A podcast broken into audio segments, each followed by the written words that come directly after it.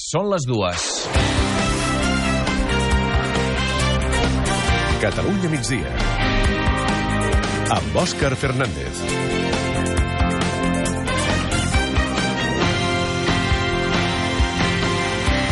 Sovint diem allò que la realitat supera la ficció, i no és una frase feta, cada dia en tenim exemples. I aquests dies Lloret és l'escenari d'un de claríssim d'aquests exemples. Un incendi fortuït en un hotel ha deixat al descobert un dels casos de picaresca més delirants que es recorden. Un empresari, propietari de quatre hotels a Lloret de Mar, estafava tothom.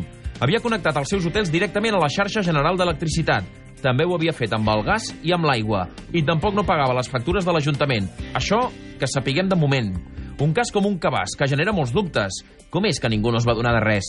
Qui pagava el gas, la llum, l'aigua que gastaven els hotels? L'Ajuntament, per què no denunciava abans que li devien gairebé mig milió d'euros? La seguretat dels hostes, dels clients dels hotels, estava garantida amb la llum i el gas punxats il·legalment? I la resta d'hotelers de Lloret? No sospitaven res del seu competidor? I qui és aquest propietari capaç d'enganyar a tothom? Una pila de preguntes que queden darrere d'un cas de picaresca surrealista i que intentarem esbrinar de seguida al Catalunya migdia.